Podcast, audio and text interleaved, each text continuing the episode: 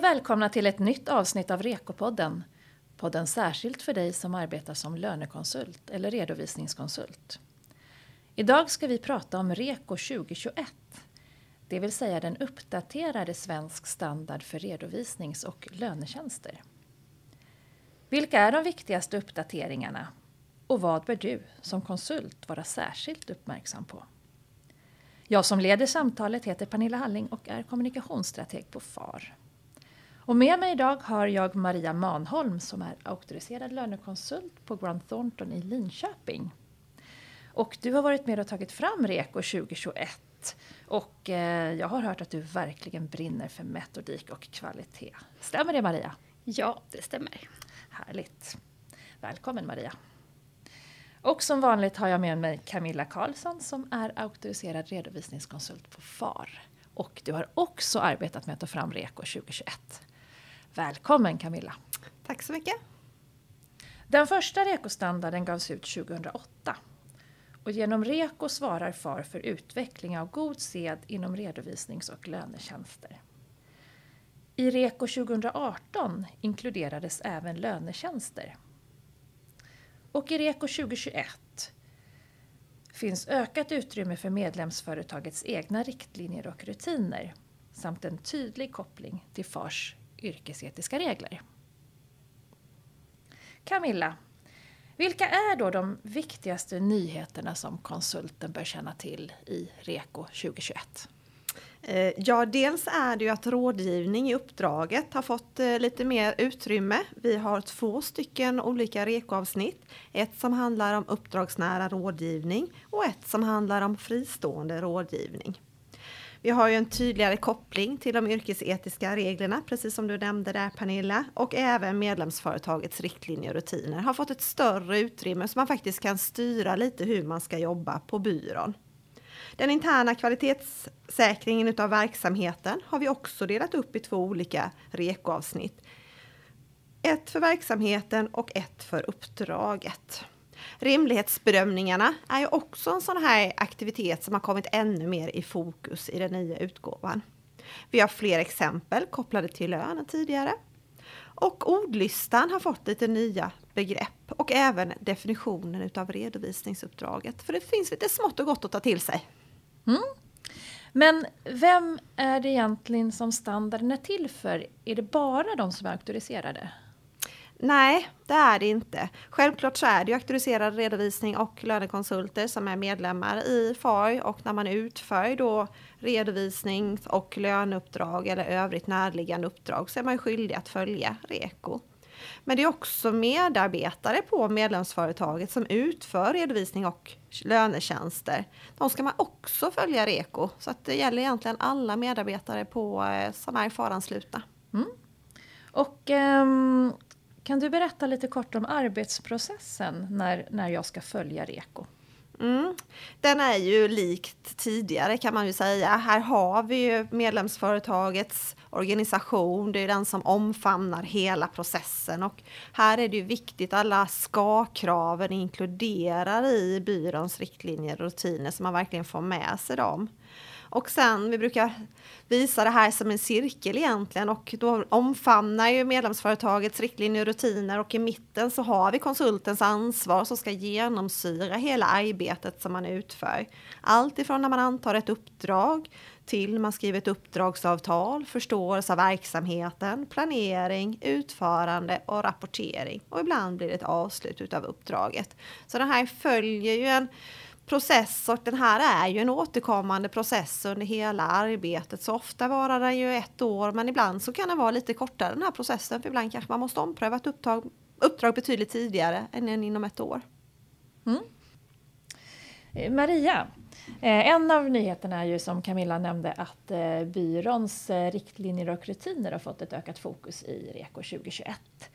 Eh, skulle du kunna berätta lite om hur ni på GT praktiskt hanterar kopplingen av byråns riktlinjer kopplade till REKO?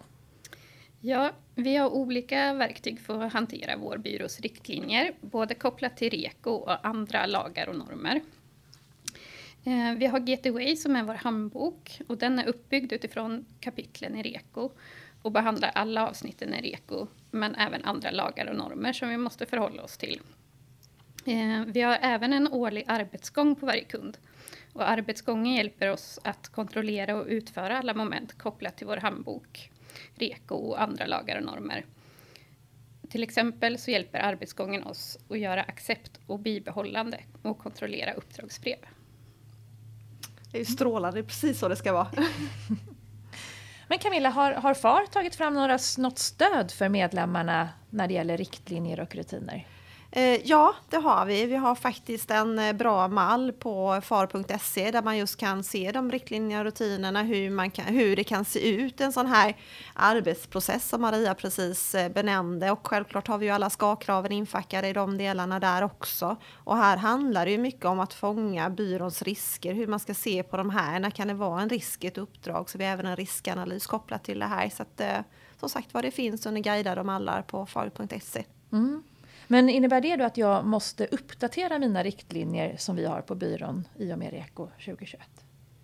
Eh, nej, det gör det ju inte rent konkret så. Men sen så ska ju byråns riktlinjer och rutiner, de ska ju vara ett levande dokument så att eh, de ska ju årligen ses över. Så att eh, visst bör man göra en översyn någon gång per år så att man verkligen känner att det fungerar. För man måste ju också utvärdera de här processerna och fånga om det finns några brister i det och då måste man göra en åtgärd åt det så att inte någonting går fel på byrån och när medarbetarna ska utföra de här tjänsterna. För det handlar ju om att medarbetarna ska känna sig trygga och även ledningen för byrån självklart. Mm. Är det något annat som du vill nämna just när det gäller alltså kring medlemsföretagets riktlinjer och rutiner som är viktigt att tänka på? Ja, dels är det ju att vi har faktiskt delat upp den här med intern kvalitetssäkring. Vi har ett avsnitt som berör intern kvalitetssäkring av verksamheten och en som berör intern kvalitetssäkring utav uppdragen. Och här är det ju viktigt då att man följer upp till exempel vilka kvalitetsmål man har på byrån. Det här kan vara allt ifrån höjd kundnöjdhet, hög leveranssäkerhet, minskat antal förseningsavgifter till exempel. Och när man väl hittar här om det är några brister så är det viktigt att man gör en åtgärd kring de här delarna med så man faktiskt kan nå upp till byråns kvalitetsmål. Och här tycker jag de här olika på verksamheten och på uppdraget kan hjälpa er i det arbetet och få en bättre förståelse. Maria, just antagande och omprövning av uppdrag är ju en viktig aktivitet för konsulten. Kan du ge några exempel för lönetjänster? Ja, riskutvärdering utifrån löneperspektiv kan vara till exempel att uppdragsgivaren har flera och komplexa kollektivavtal, flera semesteravtal, stor personalomsättning eller att man har hantering av SINK och expats. Mm.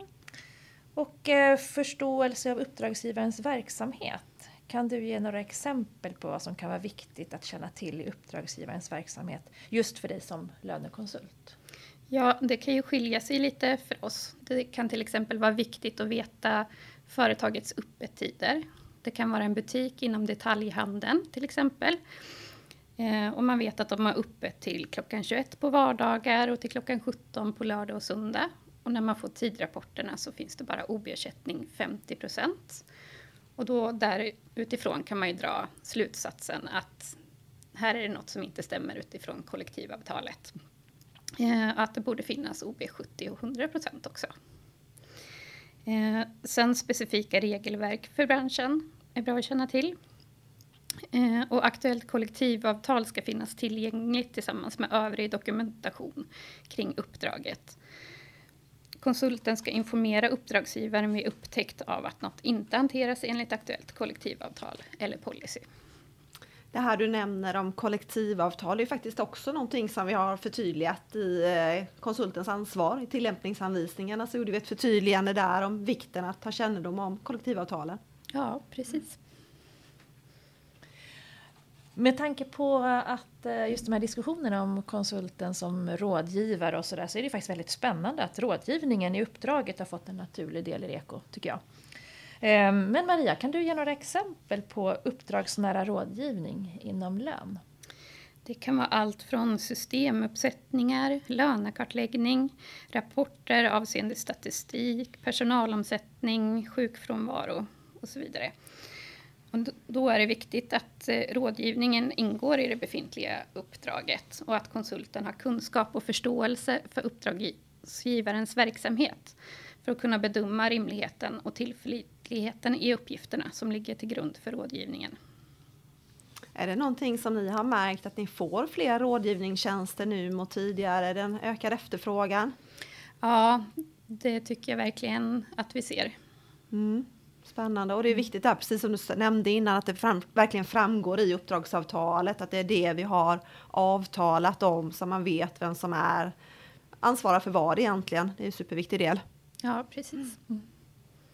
Camilla, vi har ju i tidigare poddar diskuterat rådgivning och vad som händer eller som följer av digitaliseringen och när vissa arbetsuppgifter automatiseras och det skapar mer tid åt analys och, och då rådgivning. Kan du ge några exempel på rådgivning inom redovisningstjänster? Mm. Här har vi ju, precis som Maria var inne på, då, vi har ju delat upp den uppdragsnära rådgivningen och vi har ju fristående rådgivning i två olika rekoavsnitt. När vi pratar om den här uppdragsnära rådgivningen för redovisningstjänster så är det till exempel budgetar, prognoser, kalkyler, analyser, nyckeltal, kassaflöden. Det är några exempel. Men när vi pratar om fristående rådgivning. Här kan det ju vara till exempel en hållbarhetsrapportering, konkurrensanalyser, digitalisering av uppdragsgivarens processer, ekonomi eller personalhandböcker, medverkan med en omstrukturering. Så att här är det ju faktiskt lite en annan typ av rådgivning. Jag kan också nämna när vi pratar om den här fristående rådgivningen, då är det ofta en specifik person som man vill ska upprätta just de här tjänsterna. Så här har vi precis som insourcing rekavsnittet lagt in att vi har, man får göra ett avsteg från det grundläggande dokumentationskravet, det vill säga det överlämningsbara skick facket. Men då handlar det just om de här fristående rådgivningsuppdragen för då är det specifikt kopplat till en person. Men det här betyder ju inte att jag inte behöver dokumentera någonting. Självklart så måste man ha uppdragsavtal, du måste ha ett antagande av uppdraget, en planering, du måste dokumentera dina tjänsteanteckningar, rapportering av vem du har rapporterat till. Så att, eh, men det är just bara det här avsteget för överlämningsbara skicket. Men det kan ni läsa mer om i det REKO-avsnittet. Mm. Maria, finns det några eh, exempel som du kanske skulle kunna nämna där lön, lön har fått större utrymme nu än tidigare? Eh, rimlighetsbedömningar som en viktig aktivitet för konsulterna. Här har vi utökat med fler exempel. Bedömningar som baseras på kunskap om verksamheten. Bedömningar som baseras på kunskap om aktuellt kollektivavtal. Relevans i leveransen Bedömning mot kända fakta i uppdraget baserat på kunskap och erfarenhet inom området. Mm. Um, själva utförandeprocessen, Camilla, det är ju en viktig aktivitet. Är det någonting här som du skulle vilja lyfta? Mm. Det är det, för när vi är i kapitel 7 då där vi pratar om konsultens utförande utav uppdrag. Här har vi valt att förtydliga att vissa rekoavsnitt som är då reko 710 till 730 som innefattas kvalitetskrav, utförande uppdrag, rimlighetsbedömningar som Maria precis var inne på, hantering av felaktighet i uppdraget och an användning av annans arbete. Att det gäller alla typer utav uppdrag. Sen nästkommande del i den här ekoserien, i 700-serien, det gäller för specifikt de uppdragen man utför. Och det här var ju en sån här typisk kommentar som du hade Maria när du var med i rekoarbetet, att man måste förtydliga att det här faktiskt gäller lön också. Ja. Eh, så här, verkligen din förtjänst att vi har gjort den här förtydligandet där. Det är bra, ett riktigt avtryck i REKO 2021. Maria, kan du ge några exempel inom lön för rekon om hantering av felaktigheter i uppdraget? Ja, det kan till exempel vara tidrapporter som saknar ersättning som borde utgå enligt gällande kollektivavtal. Det kan vara OB-ersättningar, jourersättningar och liknande. Det kan vara återkommande ersättningar i samband med löneutbetalning som inte finns underlag för. Anställda som får löneutbetalningar till samma bankkonto. Bristfällig eller vilseledande information. Camilla, dokumentation. Det är ju ditt mantra.